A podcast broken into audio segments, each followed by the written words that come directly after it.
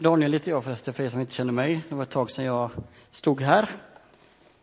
Och eh, det känns roligt. Eh, jag tänkte prata om ett aktuellt ämne, Bibeln. Guds församling. 2014. Kärlek. Det tänkte jag prata om idag. Så jag tror att budskapet är, det är viktigt, det är jag övertygad om. Och jag är övertygad om att det är lite allvarligt också.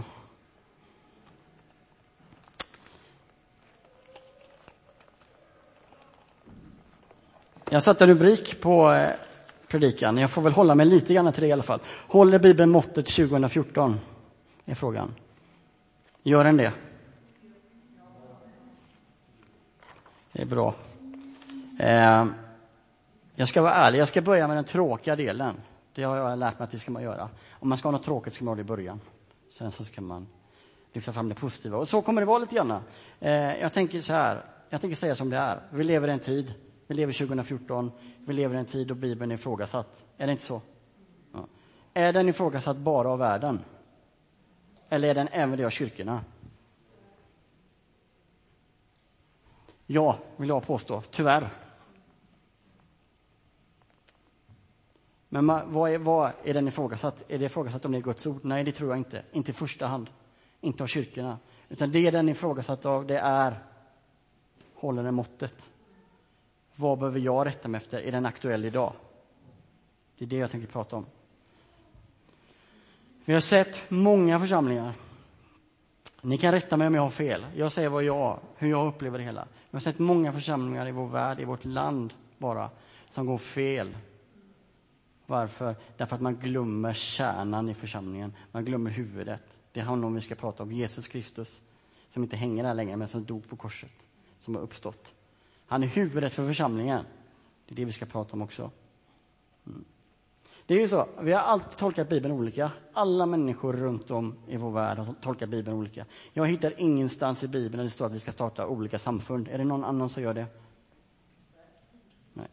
Det är vi människor som har hittat på det. Därför att vi tolkar Bibeln olika. Och det är jättebra, kanske, att det finns. Jag vet inte. Bara man är nöjd. Men jag tror att det är ett problem. Det är en kamp som vi har. Det är att tolka Bibeln rätt, att leva efter Guds vilja. Det är det en stor kamp vi har. Att hitta den rätta vägen. Men jag är i alla fall starkt övertygad, och jag tror att många av er också är här inne, om att Bibeln är Guds ord. Och det måste vi ha som grund. Alla församlingar måste ha det som grund. Vi måste ha det här, att Bibeln är Guds ord. Eller hur? Mm.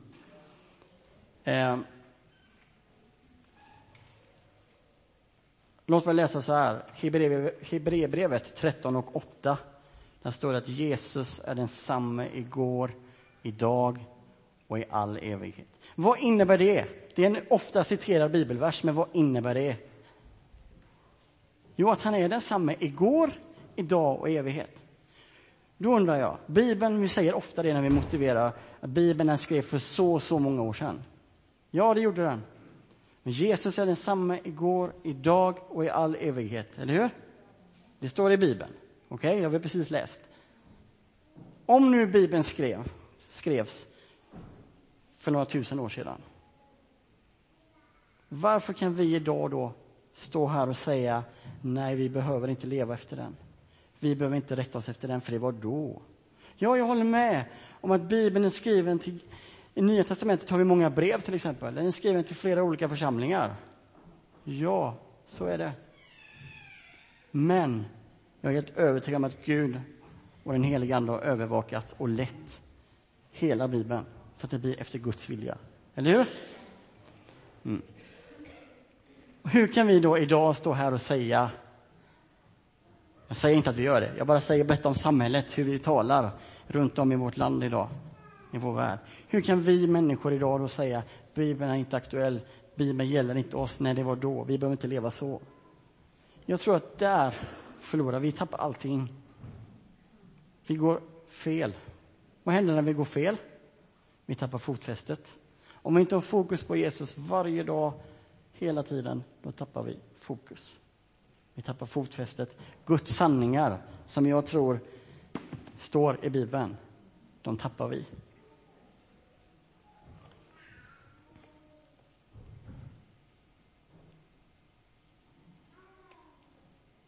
Ibland så tror jag, tyvärr, jag har själv gjort det själv också, det ska jag väl erkänna, att vi gör Bibeln till vår egen lilla regelbok. Vi gör om den så att den passar våra liv. Vi tar ut det som vi tycker är bra. Bara jag slipper ändra mitt liv. Men det här låter bra. Det blir jättebra. Nej, inte det. Nej, det är lite för jobbigt. Så kan inte jag leva. Jag, det där passar mig. Då slipper jag ändra mitt liv. Jag tror inte det är det som Bibeln är tänkt. Det är tvärtom. Jag tror att Gud ska inspirera oss. Det är inte vi som ska bestämma över Gud, utan han får inspirera oss. Eller hur? Missar vi inte själva Bibeln annars? Själva poängen med Bibeln? Jag tror det. Men tyvärr tror jag vi gör så, som här borta istället, att vi väljer vår egen del.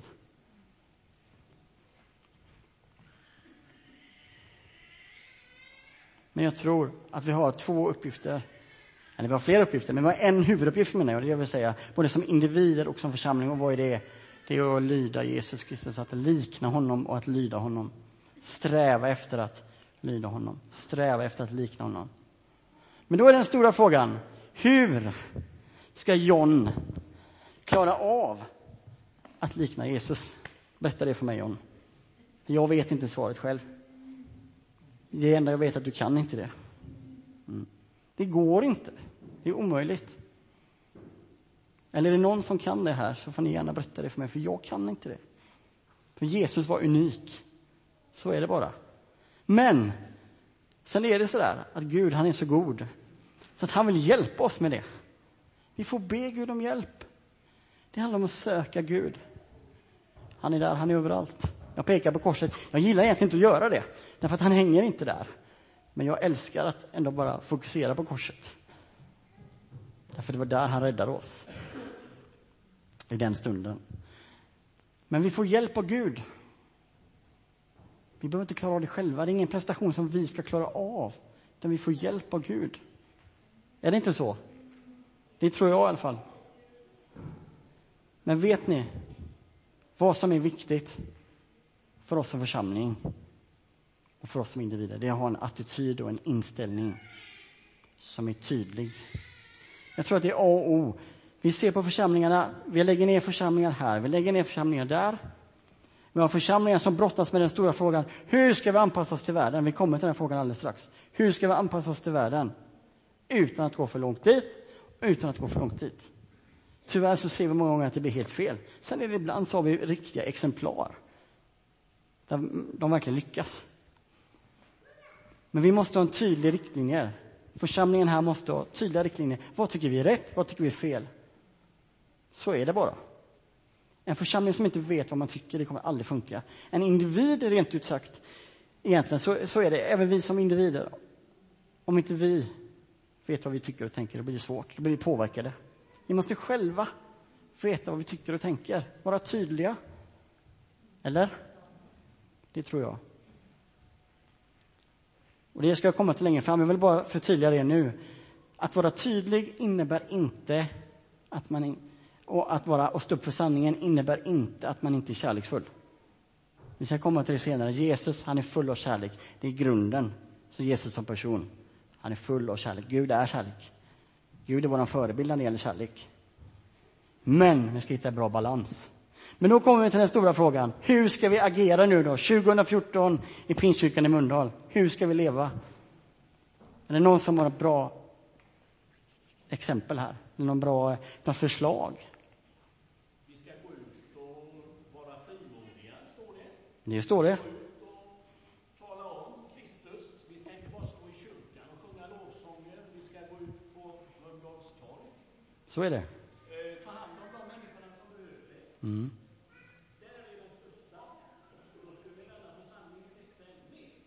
Så är det. Så är det. Absolut. Att gå ut och prata om Jesus och att ta hand om de människorna som behöver, det vill säga alla människor egentligen. Är det något mer förslag? Hur ska vi agera 2014 för att den här församlingen ska kunna vinna människor? Vi ska leva som vi lär, säger John.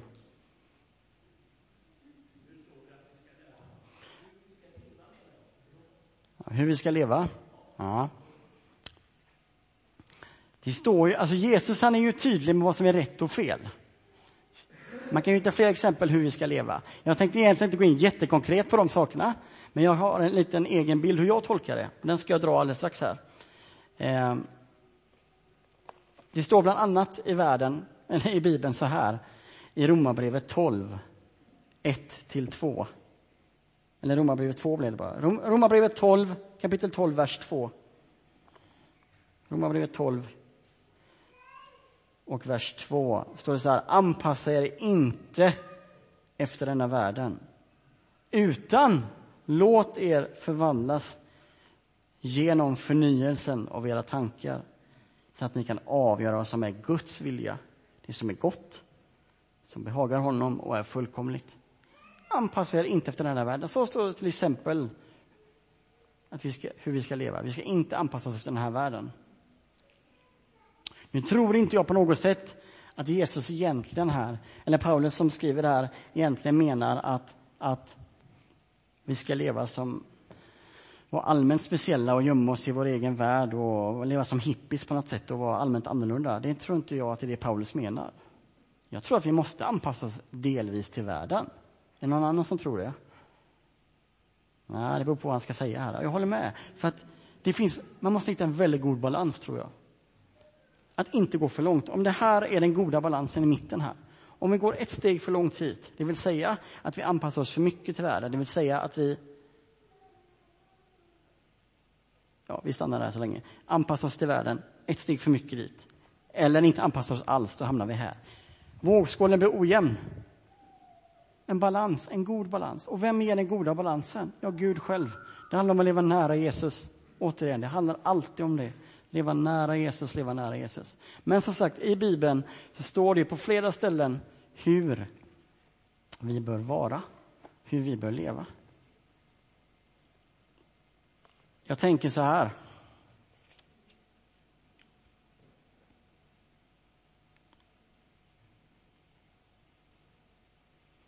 Guds kärleksbudskap, att vi ska älska varandra, kan det misstolkas? Har det misstolkats i vår värld, undrar jag? Enligt mig, ja, tyvärr. Titta på våra församlingar runt om i vår värld. Vi har, vi är så otroligt, vi har en sån god tanke. Vi vill, vi ska vinna alla människor. Det är fantastiskt bra, för det är vår uppgift. Men vi, har, vi går ett steg för långt och anpassar oss efter världen. Vi har missuppfattat Guds kärleksbudskap därför att vi lever i en tid då allt är kärlek. Är det inte så? Allt är kärlek. Allt är tillåtet, allt är kärlek. Är det någon som känner igen det? Mm. Är det någon som tittar på Eurovision? Song Contest 2014, Köpenhamn. Var det ingen som såg det? Jag tittar på det. Jag tänkte bara för ni som hörde kommentatorerna vet vad jag menar. Österrike vann. Är det någon som känner till Österrikes eh, bidrag? Lena? Det var ju en, rätta mig om jag har fel du, det var en kille från början som egentligen är en, ville vara en tjej vi säger hen, jag tycker inte om det ordet, men vi säger det här för att ni ska förstå. En kille som är en tjej fast med skägg. Stämmer det? Ja, vi vet inte riktigt. Men det blir, världen blir fascinerad, det vet vi om, att världen blir fascinerad av sådant. När man, därför att de kommentatorerna säger, tänk om Österrike vinner, tänk om Österrike vinner. Äntligen kärleken får segra.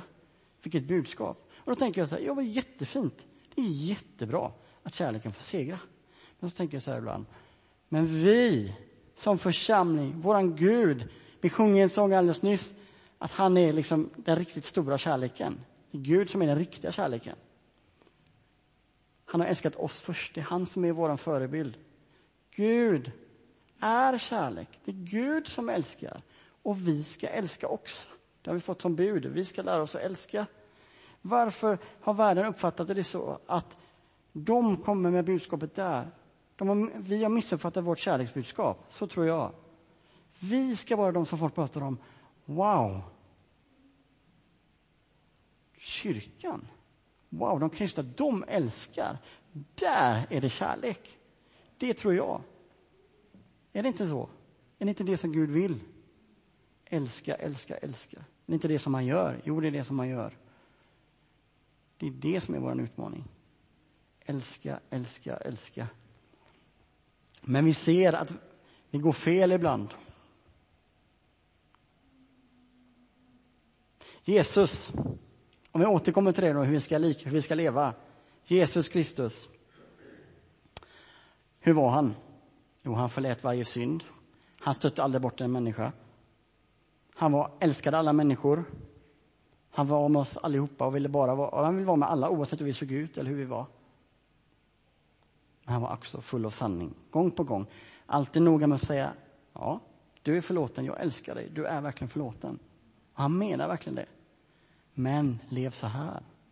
Du vet, jag tror så här, man måste hitta balansen återigen. Balansen, balansen, balansen. Inte för mycket åt ena hållet. Så hur ska vi agera i Mölndal 2014? Jo, om vi bara är kärleksfulla, som många församlingar väljer att vara, och inte står upp för sanningen, då försvinner församlingen till slut. Därför Guds sanningar försvinner. Om man bara väljer, inte, man glömmer av kärleken och bara väljer att vara hård, när så här står det i Bibeln, pang på, vad händer då? Det är inga människor som kommer till kyrkan i alla fall. Eller? Så tror jag. Man måste hitta balansen. Man kan inte vara ett steg för mycket dit eller ett steg för mycket dit. Utan Jesus måste hjälpa oss och vi måste som församling söka Guds vilja. Vi måste som församling be Gud om hjälp.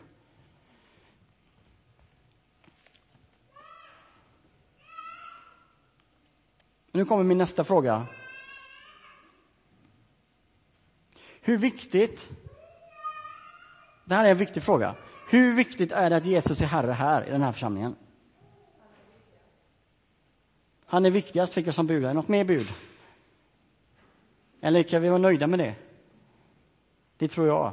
Han är viktigast. Jag frågar igen, hur viktigt är det inte att Jesus är Herre i den här församlingen? Han är viktigast, det är svaret. Lena ska få hjälpa mig att läsa ett bibelord, men det beror på om hon kan nu. Kan du det? Ja.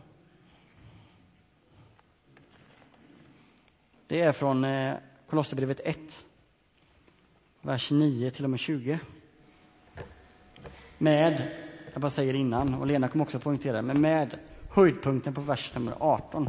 Och då menar jag inte att höjdpunkten, alltså då menar jag att det är där som är fokuset ligger, den här versen, idag. Eh, börjar en bit in i vers 9. Vår bön är att ni ska fyllas av kunskap om Guds vilja med all andlig vishet och insikt så att ni kan leva värdigt Herren på allt sätt, behaga honom med alla slags goda gärningar när ni bär frukt och växer eh, till i kunskap om Gud och växer till i kunskap om Gud.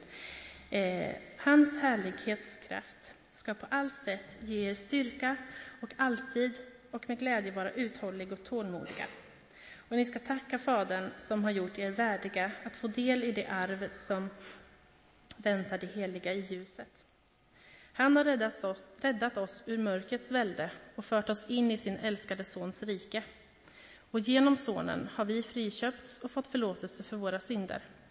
Han är den osynlige Gudens avbild, den förstfödde i hela skapelsen. Ty i honom skapades allt i himlen och på jorden, synligt och osynligt, troner och herravälden, härskare och makter. Allt är skapat genom honom och till honom. Han finns före allting och allting hålls samman i honom. Och nu kommer det, lyssna noga. Och han är huvudet för kroppen, för kyrkan. Han som är begynnelsen, förstfödd från de döda till att överallt vara den främste. Ty Gud beslöt att låta all fullhet bo i honom och att genom hans blod på korset stifta fred och försona allt med sig genom honom och till honom allt på jorden och allt i himlen. Tack, Lena. Eh, vi läser vers 18 igen. Och han är huvudet för kroppen, för kyrkan, han som är begynnelsen, först, för, först för från de döda till att överallt vara den främste. Han är huvudet för församlingen. Det vet jag, det har vi läst Bibeln förut, ni som har läst Bibeln. Men är det inte så viktigt att Jesus får Herre här?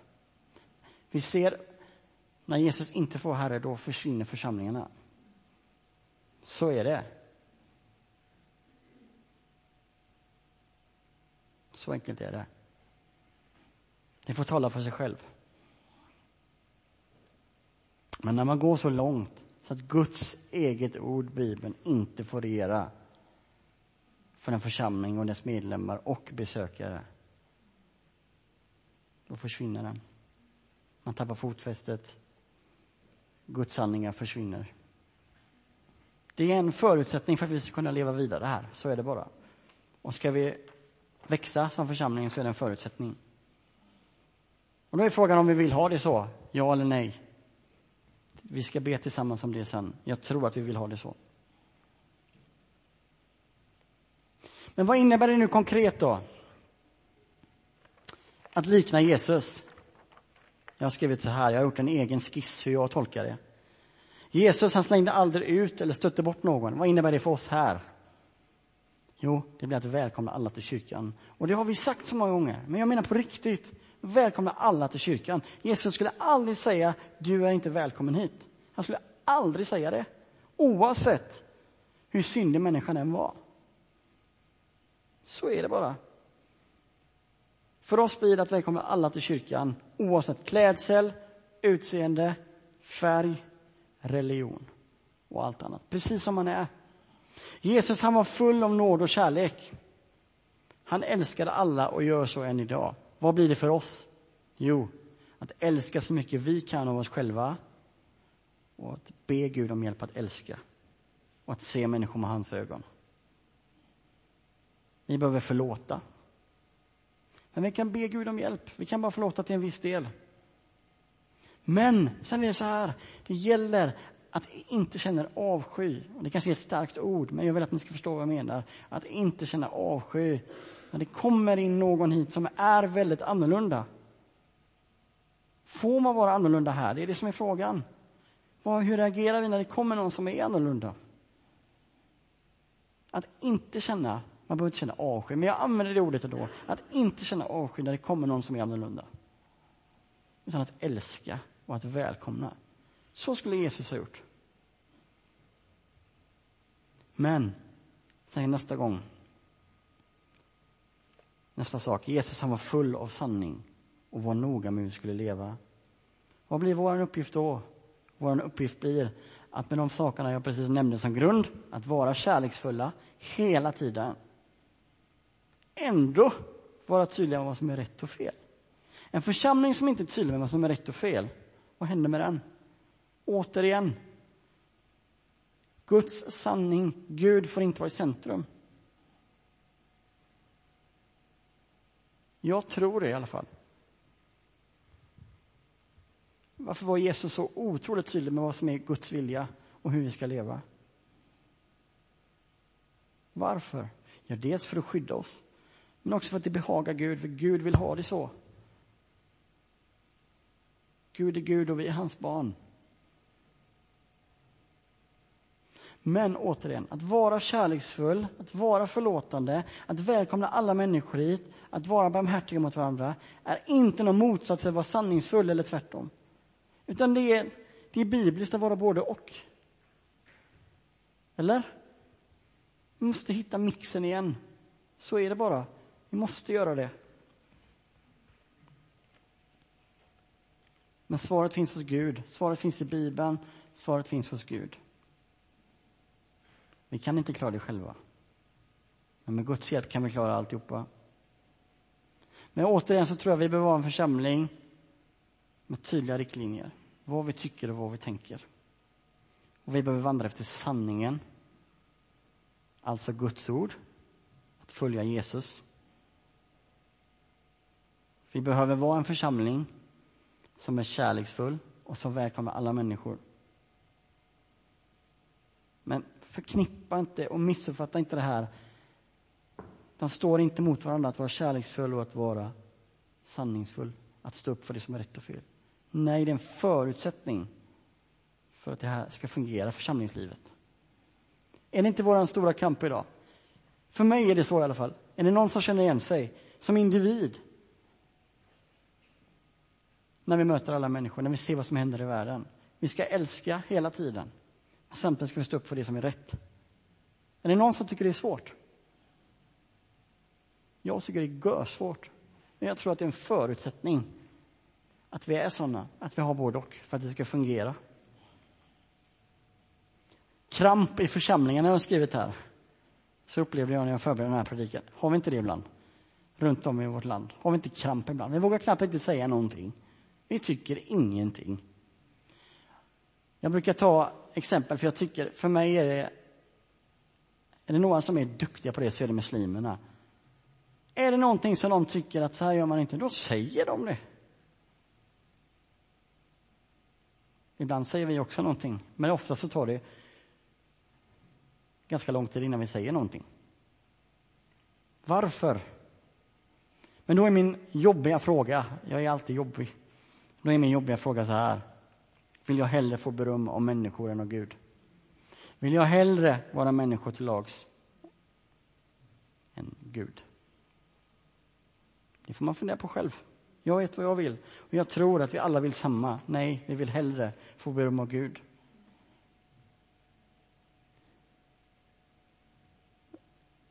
En församling som inte står upp för Guds ord och sanningar kommer sakta men säkert förtvina bort. Jag snart klar här nu. Men så har jag en fråga då. Jag ska läsa lite till. Hur trovärdigt är det förresten för människor utanför kyrkan när kyrkan ändrar åsikt och börjar leva mer och mer efter världen? Hur är det med ett, och så jag jämförelse med ett parti, hur är det med ett parti som plötsligt börjar ändra åsikt än vad man tidigare har lärt ut? Plötsligt tycker något helt annat. Hur trovärdigt, hur trovärdigt är det för oss då? Hur trovärdigt är det om Ikea plötsligt en dag slutar sälja möbler?